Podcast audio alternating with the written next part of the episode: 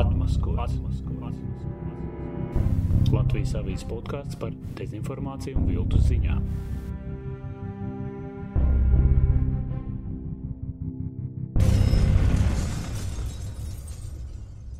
Labdien! Gads tuvojas beigām, līdz ar to arī atmaskots pirmā sezona. Un tāpēc astotā epizode būs tāda apkopojoša, mēs centīsimies izveidot arī tādu kā nosacītu topu. Te Latvijas avīzes žurnālists Māris Antonevičs, un šoreiz kopā ar mani ir kolēģis Viesturs Sprūde. Jā, labdien, Viestur. es, jā. Un mēs visu gada garumā esam uzraudzījuši, varētu tagad arī moderni teikt, monitorējuši Krievijas informatīvo telpu, skatījušies, kas tur tiek ziņots par Latviju. Kāds vispār kopējais iespējas? Nu, kopējais izpētes ir tāds, ka, jā, principā gada sākumā šķita, ka, nu, jau, nu, ko gan vēl jaunu var izdomāt un, un tā. Tad pamazām, pamazām gada ritmā, tad, kad tika pārvarēts tas pirmais, varbūt pirmā covid viļņa radītais mulsums, jā, pēc tam jau Krievijas propagandas aparāts ieskrējās un tad atrada atkal arī dažādas interesantas tēmas, protams, neaizmirstot arī vecās. Nu, tā kā šī niša zārks nav palicis tukšā, kas ir jāsaka, un tā propaganda nekādas epidēmijas vai pandēmijas tā netraucē, un, un, un viss notiek. Krievijā viss notiek, tā varētu sacīt. Mums varētu teikt, ka tur diezgan nenogurstoši tiek atražoti vieni tie paši vēstījumi. Jā, nu, protams, kopš 90. gadu beigām Krievijā gaida, kad eh, sabruks Baltijas valstu un tajā skaitā, protams, arī Latvijas ekonomika.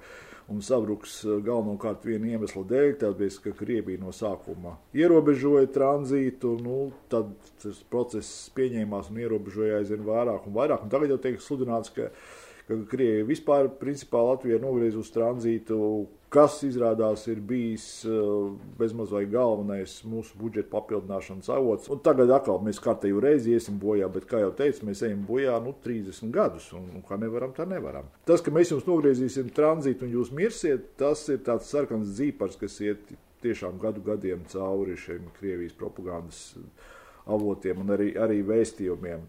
Man liekas, vēl tur ir tāds tas stāsts par tām šprotēm, ko viņi mums nepirka. eh, ja jūs paskatītos eh, pēdējā laikā, ko vēsta Krievijas eh, šie propagandas, tādas propagandi tendētie avoti, jāieceļš internetā, tad tur jau kā tagad tiek pārliecinoši apgalvots, ka kaut kad nesen, es saprotu, ka vasarā laikam Latvijā ir slēdzies pēdējais šprotu ražošanas uzņēmums. Man ir grūti pateikt, kas ar to tiek saprasts. Es tā paskatījos un, un redzēju, ka augustā ir um, firma Gamma A uz laiku, kas ir liels šprotu ražotājs, uz laiku ir beigusi, uh, nu, pārprofilējusies un, un beigusi zivju konservu ražošanu. Vismaz vie- viena no šīm Gamma A rūpnīcām.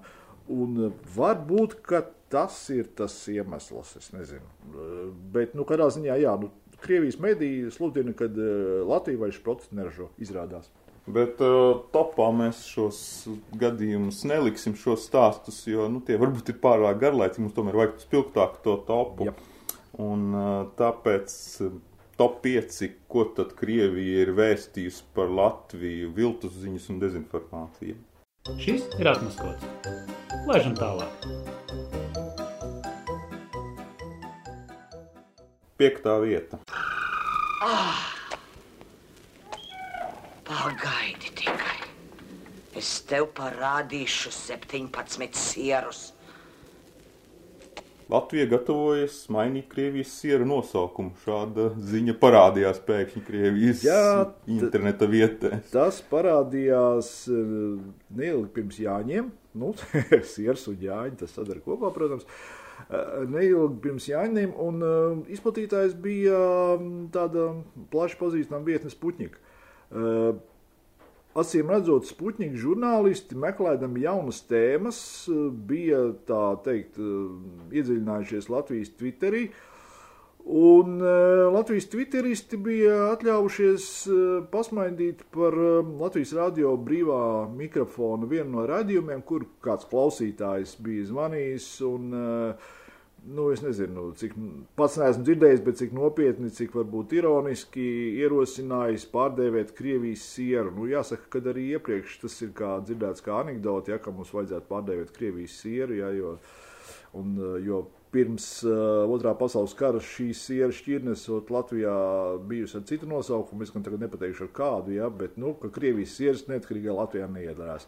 Bet, nu, tas vienmēr bijis tā anekdotiski un tā kā joks.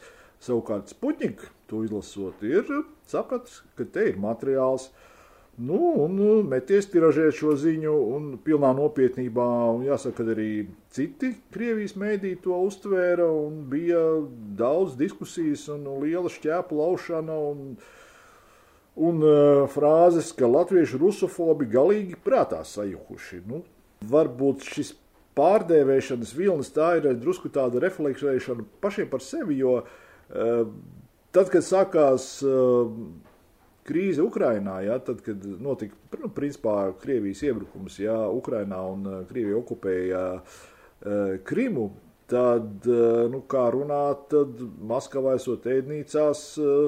Kievas kotletes pārsauktas par Krimas kotletēm. Nu, Tas bija, starp citu, reāls gadījums, manuprāt, Krievijas valsts domas ēdnīcā.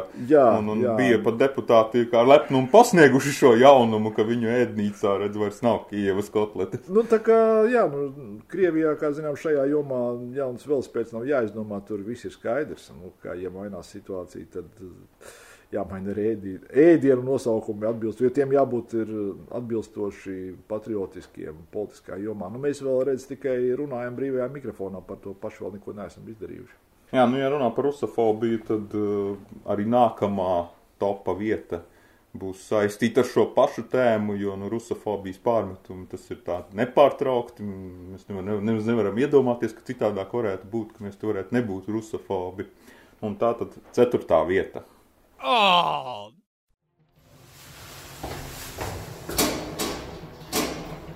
Честно соблюдая самоизоляцию, экс-депутат Рижской думы Руслан Панкратов спустился лишь забрать почту. И каково же было его удивление, когда он обнаружил это послание. Написано на латышском, но адресовано русским. Дорогие русскоязычные соседи, если вам не нравится латышский язык, латышская культура и Латвия, тогда ваша родина Россия ждет вас. Автор анонимки в стиле «Чемодан вокзал России» уточняет и на чем именно русскоязычные соседи будут отправлены на историческую родину. В вагонах для скота. Скотские вагоны уже приготовлены к дороге в Россию. Вас повезут как скот. Будете жить в лапках весь год. Оказалось, анонимку получил не только экс-депутат, но и десятки его соседей по многоэтажке. Люди испуганы. Просто ужас! Неужели кто-то из проживающих в доме соседей такое написал? Вот что бывает, когда о проблемах русских в Латвии даже слышать не хотят, списывая все на какую-то особую нелюбовь к латышскому языку. Ну что за усколобость, ей-богу. Только вот вряд ли это случайность и усколобость, скорее последствия планомерной политики русофобии на государственном уровне. А сейчас, сидя дома на самоизоляции, многие остались без работы, озлоблены, смотрят телевизор, оттуда все та же старая песня про то, кто виноват во всех бедах Латвии. Для некоторых такой призыв на фоне безделья и безденежья, как спусковой крючок. Пора действовать и показать, кто в доме хозяин.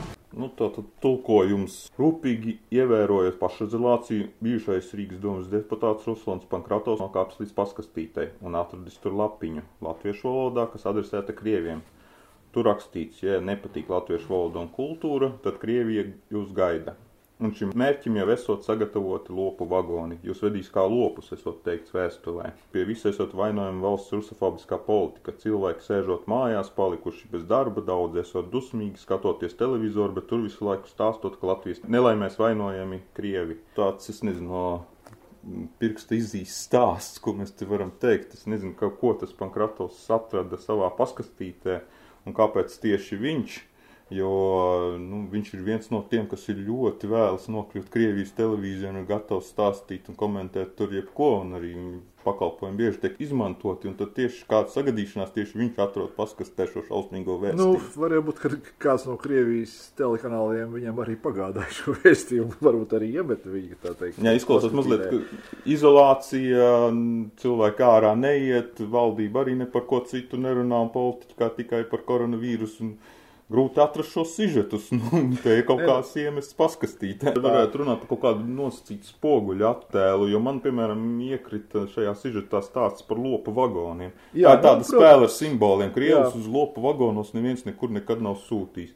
Savukārt latviešus ir sūtījuši. Tagad tas tiek apgriezts, kad, ā, redziet, latvieši grib krievus sūtīt. Tātad mēs Nu esam tie sliktie, ne, nevis, labāki, nevis, jā. nevis tie, padomju okupanti, kas to darīja pēc tam, kad viņi bija ieradušies Latvijā.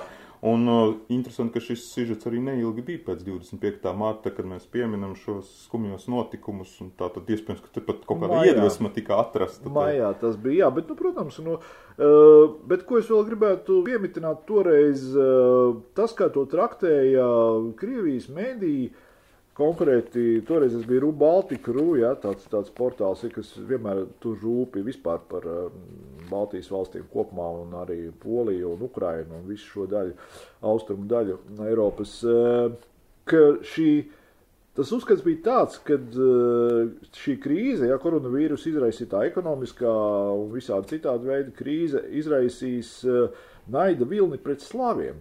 Nevis pret krieviem, ja, bet pret slāviem. Un eh, tas bija tāds diezgan tāds interesants veids eh, mēģināt attēlot, kad lūk, šeit Baltijā ir, nu, teiksim, ienīsti ja, pēdiņās ne tikai krievs, bet arī citus slāvus, tātad Baltkrievus, Ukraiņus. Tas bija tas laiks, kad nu, parādījās ziņas par Ukraiņu viestrādniekiem, Baltkrievu viestrādniekiem, tur Igaunijā. Bet tad jau sanāk arī tur jāliek serbi, nezinu, Če Čehiji, Slovāki. Nu, slāvu tautas ir ļoti. Nu, tajā brīdī bija aktuāli Ukrāņu Baltkrievija, bet nu, tas, tas eh, toreiz tas tika tā, nu, maijā tas tika šādā veidā, ka taisni pret slāviem. Nu, protams, Ziniet, šī, šī portāli jau viņi mm, katrs tādus, tādus notikumus pētņās pasniedz savā mērķē, ja kur vienam ir slāvi, tur otram ir krievi un, un tā. Lai gan man likās dīvains šis stāsts par to, ka Latvijas televīzija stāstot, ka visās nelaimēs vainojami Krievi.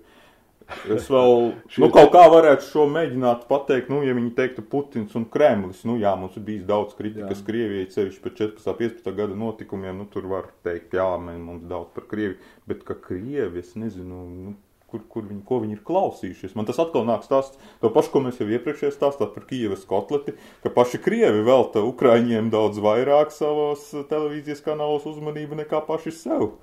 Nē, protams, un, un te ir jāsaka tā, ka tā ir, protams, pozitīva tendence, kas varbūt ir pēdējā laikā arī vērojama. Nu, es parasti tā, ja es atrodu kādu šādu interesantu vēstījumu internetā, tad, ja ir iespējams, es paskatos, ja tur ir eh, komentāri, nu, ko šie lasītāji ir par šo at- attiecīgo vēstījumu propagandas jā, rakstījuši. Nu, protams, 80% tie būs, eh, kad viss ir kārtībā un tā viņiem vajag, bet Tad ir arī viena daļa tādu cilvēku, kas uh, sāk rakstīt, nu, beidziet to pribaltofobiju. Tā tad, uh, nu, kā mēs to varētu latviskot, uh, Bal Baltijas fobiju. Grūti, jā. nav tik skaisti kā rusofobija. Jā, jā. jā, bet nu, tas, ka latvieši un baltieši ir populāri tēli Krievijas Nu, propagandā, jā, jā, to mēs jā. vēl pārliecināsimies apskatot nākamās topa vietas. Atmaskots. Trešā vieta. Так это новичок или не новичок? А, Уже возникают сомнения в, в том, что было сказано в начале.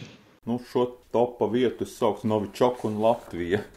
Un tā tāda ļoti neparasta viltus ziņa, eh, kas varbūt neatbilst visiem šiem standartiem, ko mēs esam pieraduši, ka Krievijā kaut ko televīzijā uztaisa vai interneta vietnes plaši apraksta, un, un, un tur, tur tie autori ir vai no reāla vārda vai izdomāta, jo te avots ir tāds ļoti nopietns, un tas ir pats Krievijas prezidents Vladimirs Jā, kur, Putins. kur nu vēl nopietnāk?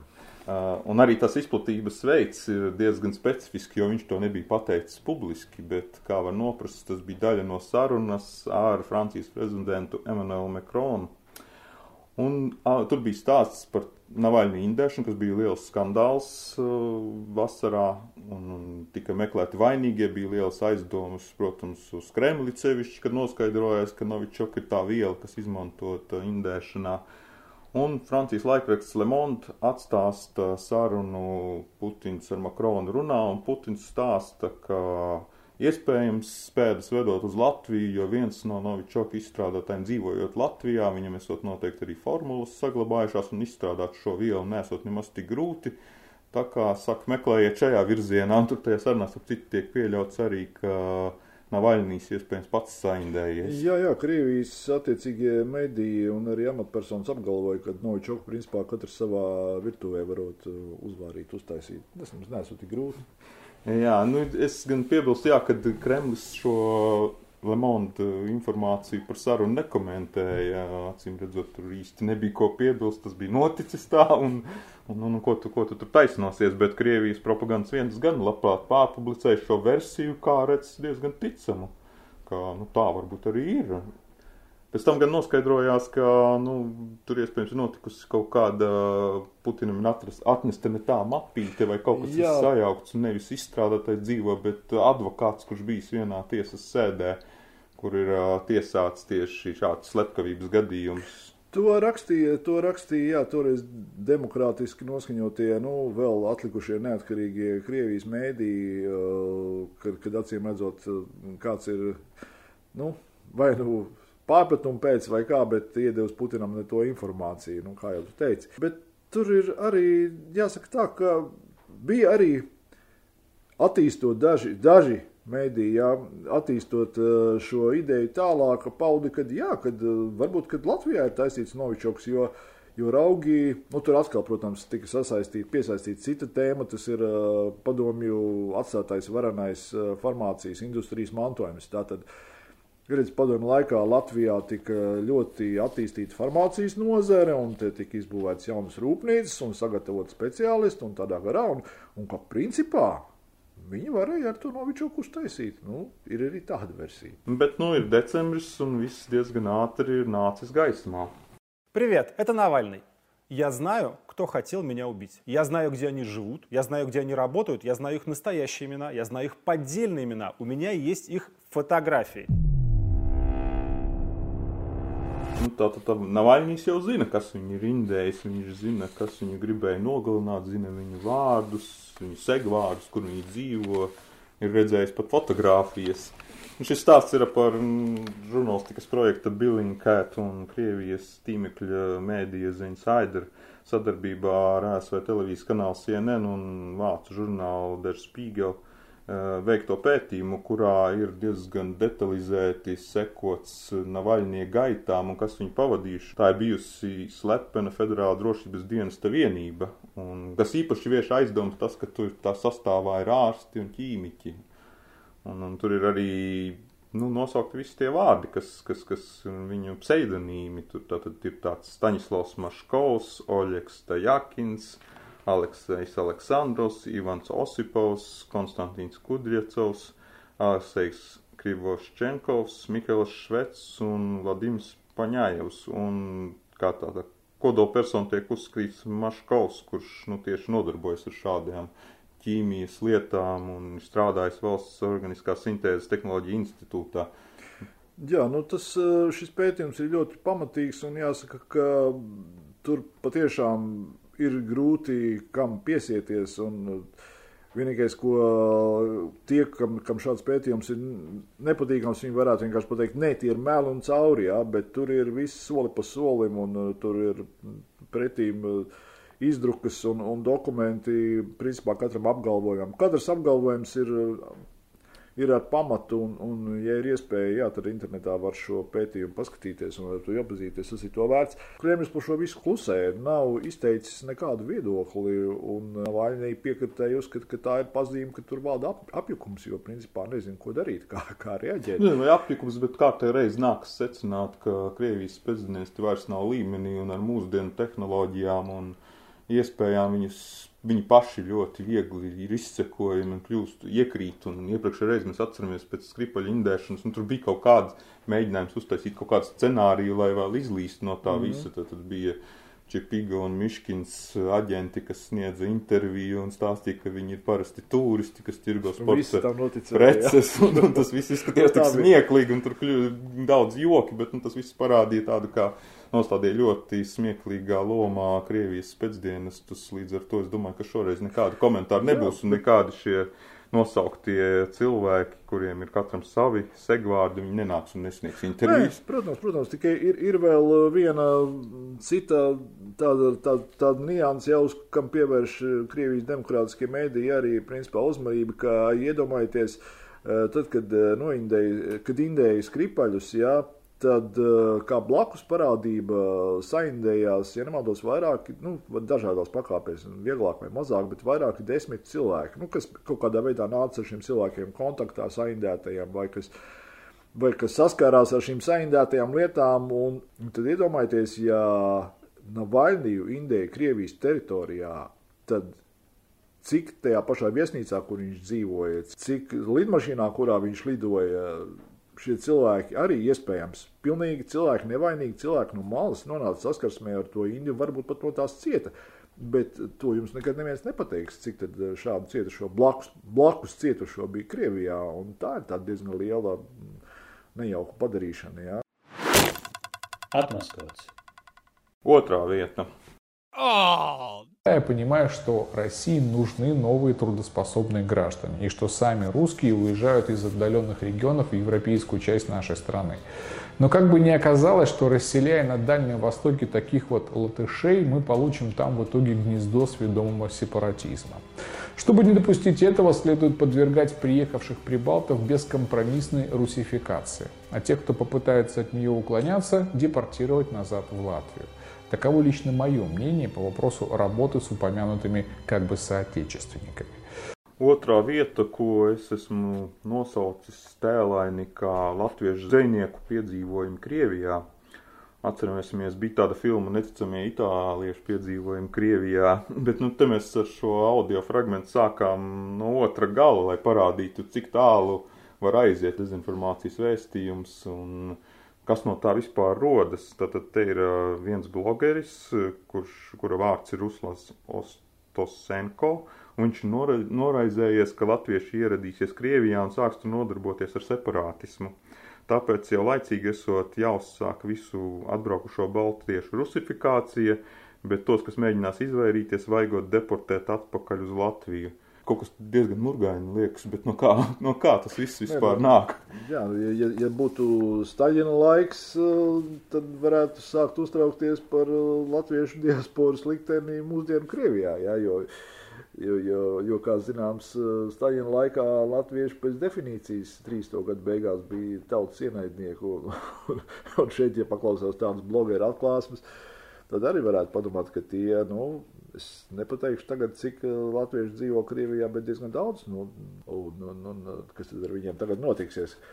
Bet, nu jā, šis stāsts, um, kura avots par latviešu zvej, zvejniekiem, kas it kā ir uh, vīlušies Eiropas Savienībā, jā, un uh, kuri nevar vairs atrast, ko darīt Latvijā, un tāpēc dodas uh, dīvainā kārtā uz Krieviju, turklāt uz Krievijas tālajiem austrumiem Tas ir, tas ir, jā, viņš ir Krievijas medijos diezgan populārs.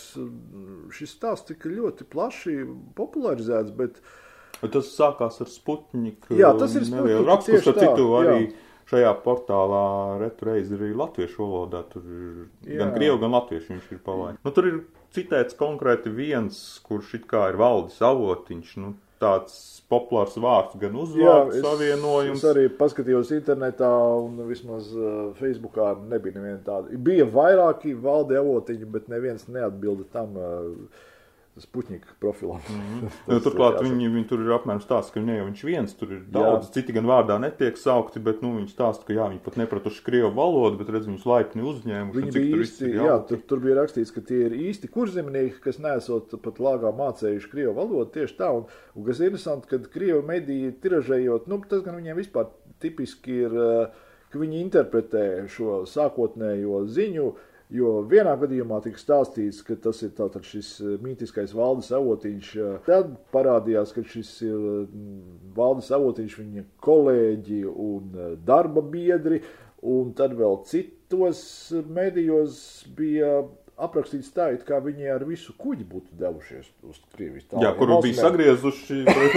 Jā, tā kā, tā kā tur interpretācijas, nu, nezinu, robežu. Tur, Nē, nu viss tas stāsts ir, protams, lai pastāstītu, cik, cik atkal par šo pašu Jā. ekonomisko katastrofu šajā gadījumā protams. zvejniecības nozarē. Un šajā, un šajā gadījumā, kas arī patiesībā bija jau kādu brīdi jau tā kā drusku pieklusis par to, ka Eiropas Savienība nekam nedara, Eiropas Savienība jūs izputinās. Jā, jūs pat darbu nevarat atrast jā. Eiropas Savienībā, kad jūs Latvijā zaudējat. Viņa jums nepalīdzēs. Vienīgais, vienīgā cerība jums ir uz Krieviju. Jums ir vienīgi Krievija. Ja būsiet rātni, paklausīgi, nespirināsties, tad Krievija jums palīdzēs. Nu, tāds vēstījums. Mm.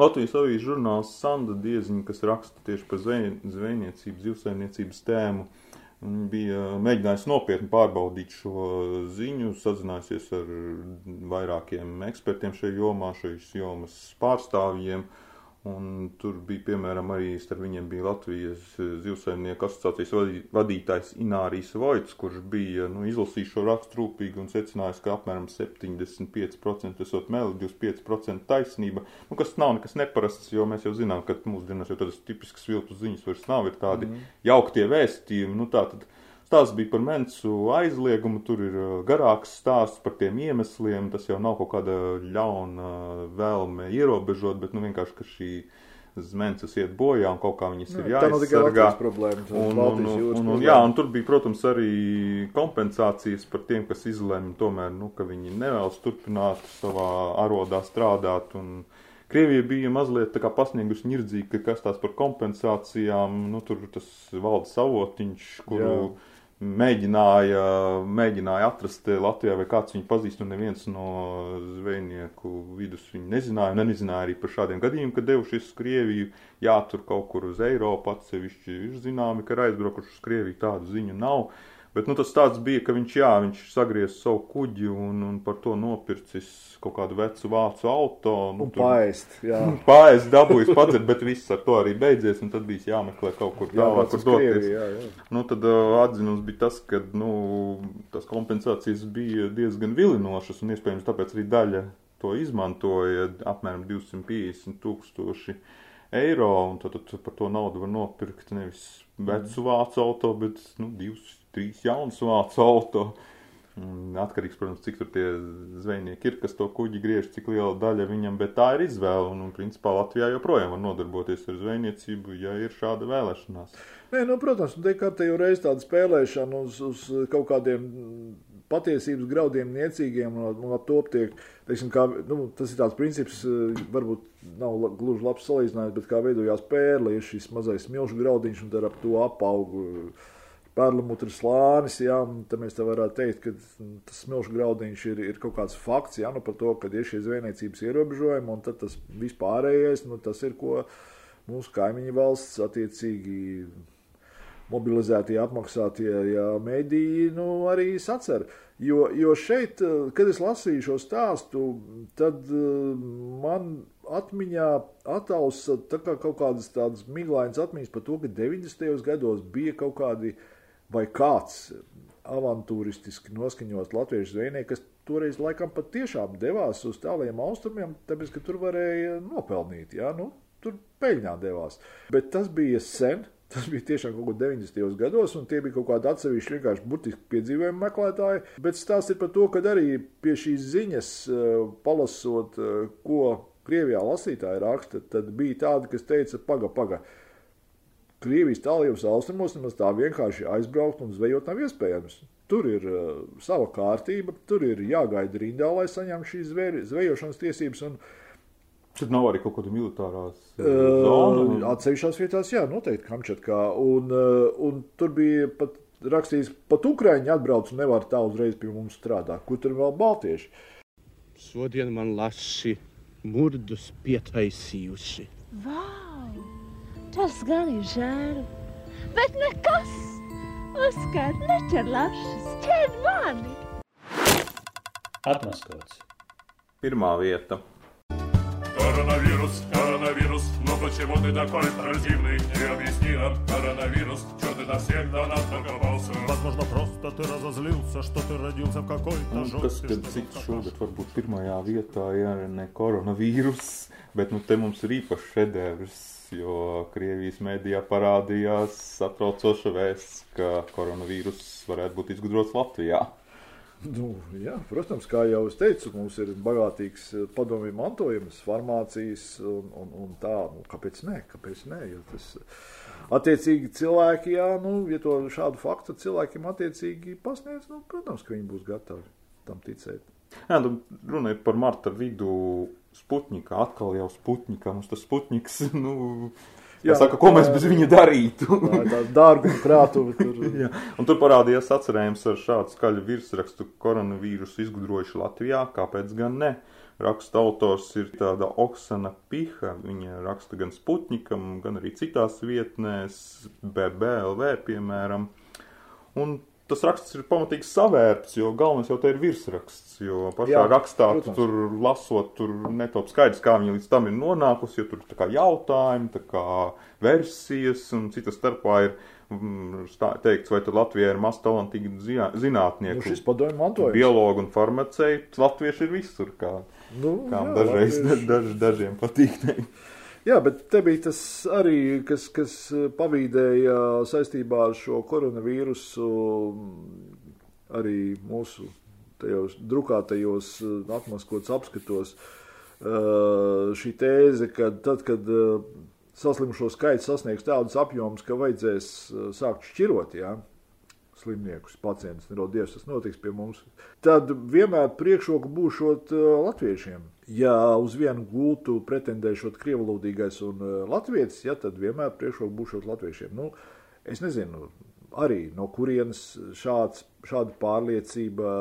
Par to mēs iepriekšējā runājām atmaskots epizodē ar Girtu Kasparānu, un, un tur bija viens no tiem avotiem bija Vladimirs Lindermans, kurš oh, kaut jā. kur bija kaut kādā interneta komentārā, atkal jau kaut kur nu, atrasts Krievijas siers. kāda Freiberga pseidonīms.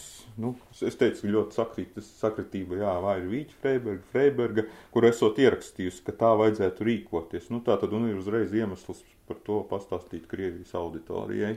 Un tā tad attiecīgi tālāk jau pasniegt, ka Latvijā tas viss tiek nopietni apspriests, apspriests un, izdarīt secinājumus. Bet arī atgriežoties pie šī Sputņika idejas, ka nu, Latvijā ir izgudrots koronavīruss, man liekas, te vēl tāda viltu ziņa ar dubulto dibenu. Viena lieta ir, ja Latvija, bet otrkārt tur jau uzreiz tiek pārliecinoši pateikts, ka tas ir izgudrots kaut kādā laboratorijā, par ko mēs runājam kā par ļoti populāru tādu versiju, kas klejo, kas nav nekur pierādīta dezinformācija visa šai koronavīrusa stāstā. Tad, tad tas jau vispār netiek apšaubīts, ka tur Tātad izgudrots viņš ir noteikti, bet kur? Nu, tagad jautājums tikai kur? Nu, Ķīnā tas populārākā versija, Amerikas Savienotas valstīs, jā, bet nu, Latvija vēl parādās. Ja ir nepieciešams iz, izveidot kādu loģisko saiti, tad, eh, tad šie propagandā strādājušie cilvēki, nu, nešaubies, viņi vienmēr atradīs šo loģisko saiti, izveidos nu, kaut vai no. Es atvainojos, nu, taburetes kaut vai viņi uztaisīja šo loģisko saiti, jā, kad tas ir, kad, kad tas ir tieši tā. Mēs vēl, gan jau mēs vēl nākotnē vēl daudz ko par sevi uzzināsim, ko mēs vēl tagad nezinām, ne, nespējam iedomāties.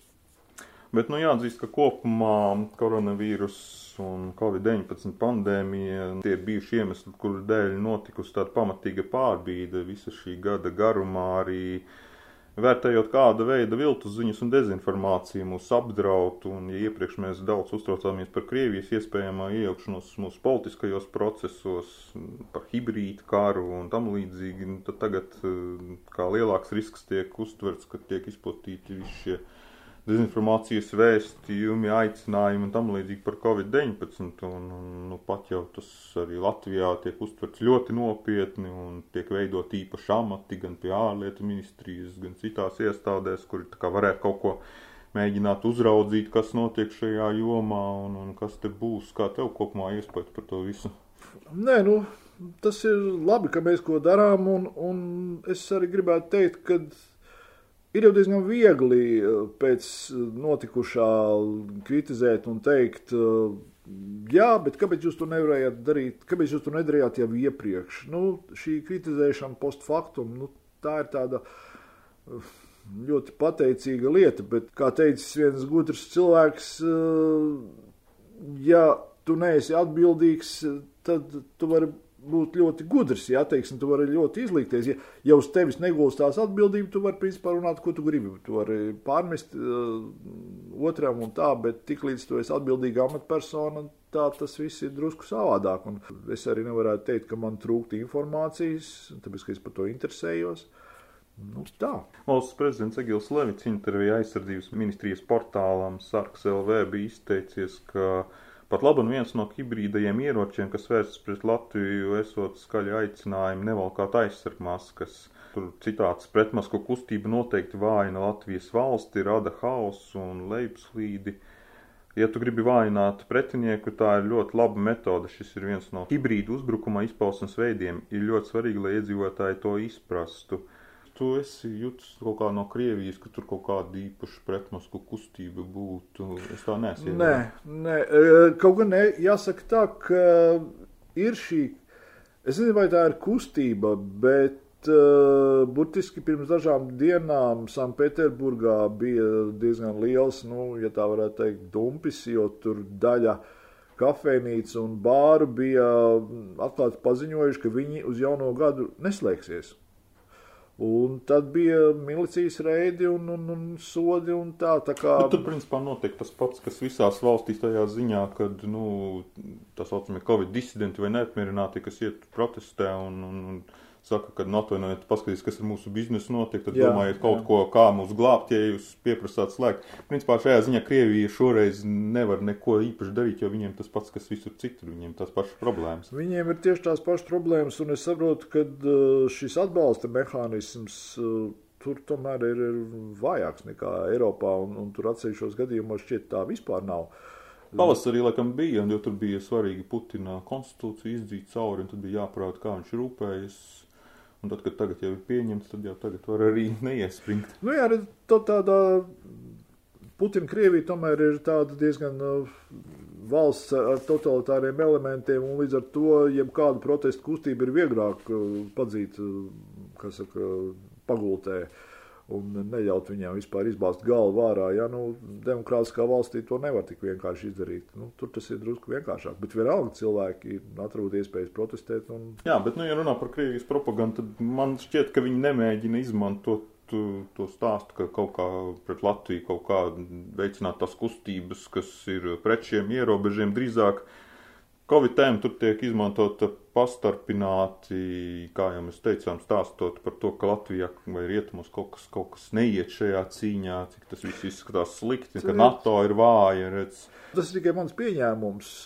ka varbūt uh, Covid tēma, šīs Covid dis disidentisms ir diezgan tāds uh, parocīgs, kā tāds, uh, nu, tāds globāls ierocis, jo, jo teiksim, veicināt šo Covid disidentismu. Uh, Jo, ja mēs paskatāmies uz tām demonstrācijām, kas notiek uh, Vācijā, kur ir daudz masveidīgākas, vai arī Francijā, nu, principā šāda veida vērienīgas uh, masku nesāšanas un vispār uh, Covid pastāvēšanas pretinieku demonstrācijas, nu, tās rada tādu diezgan lielu tādu iekšējo spriedzi un hausu. Jā, nu, Latvija, mēs tomēr esam maza valsts un, un uz pārējās Eiropas fona mēs varbūt šajā gadījumā neesam tik interesanti. Ja? Nu, jo, jo, kā mēs visi, teiksim, kā zināms, tad Krievija atbalsta un sponsorē, tas jau plaši zināms fakts, šīs labējo radikāļu kustības jā, visā Eiropā. Te var būt kaut kas, veidoties kaut kas līdzīgs. Ja? Ne, tas pēcdienas uzdevums sekot, vai tas tomēr ir tāds spontāna protests, kas, ko daudz skaidro, ka tas tiešām ir arī uh, izriet no tā, kas ir noticis šī gada laikā, kad cilvēki ir uzvilkušies un neapmierināti. Un tad kaut kā tas viss izpaudīsies. Vai tas tomēr no ārpuses organizēt, bet nu, es teiktu, ka šoreiz tā fronte mazliet tomēr ir, ka tas ir tomēr tāda pašizpausme un pagaidām nav nekāda pierādījuma, ka tur būtu kaut kāda iejaukšanās. Nē, protams, ka es, es nedomāju, ka tas uh, sākums ir uh, kaut kur nāk no ārienes. Protams, ka tas ir iekšējais un tas ir cilvēka dabā, jā, šī neapmierinātība un cilvēki domā dažādi, tas viss ir loģiski un saprotams, bet Bet tas, ka kāds to kādā brīdī varētu izmantot, tīpaši Eiropas mērogā, es domāju, ka tas ir ļoti iespējams. Un tā ir tāda pateicīga, pateicīgs avots, pateicīga tēma. Jā, redzēsim. Latvijas avīzes žurnāls Viesturs Sprūde. Paldies par sarunu. Priecīgus Paldies. Ziemassvētkus un jaunajā gadā mazāk viltu ziņu. Jā, nu, jā, mazāk, vai arī vismaz interesantāks, lai būtu. Tu esi atmaskots.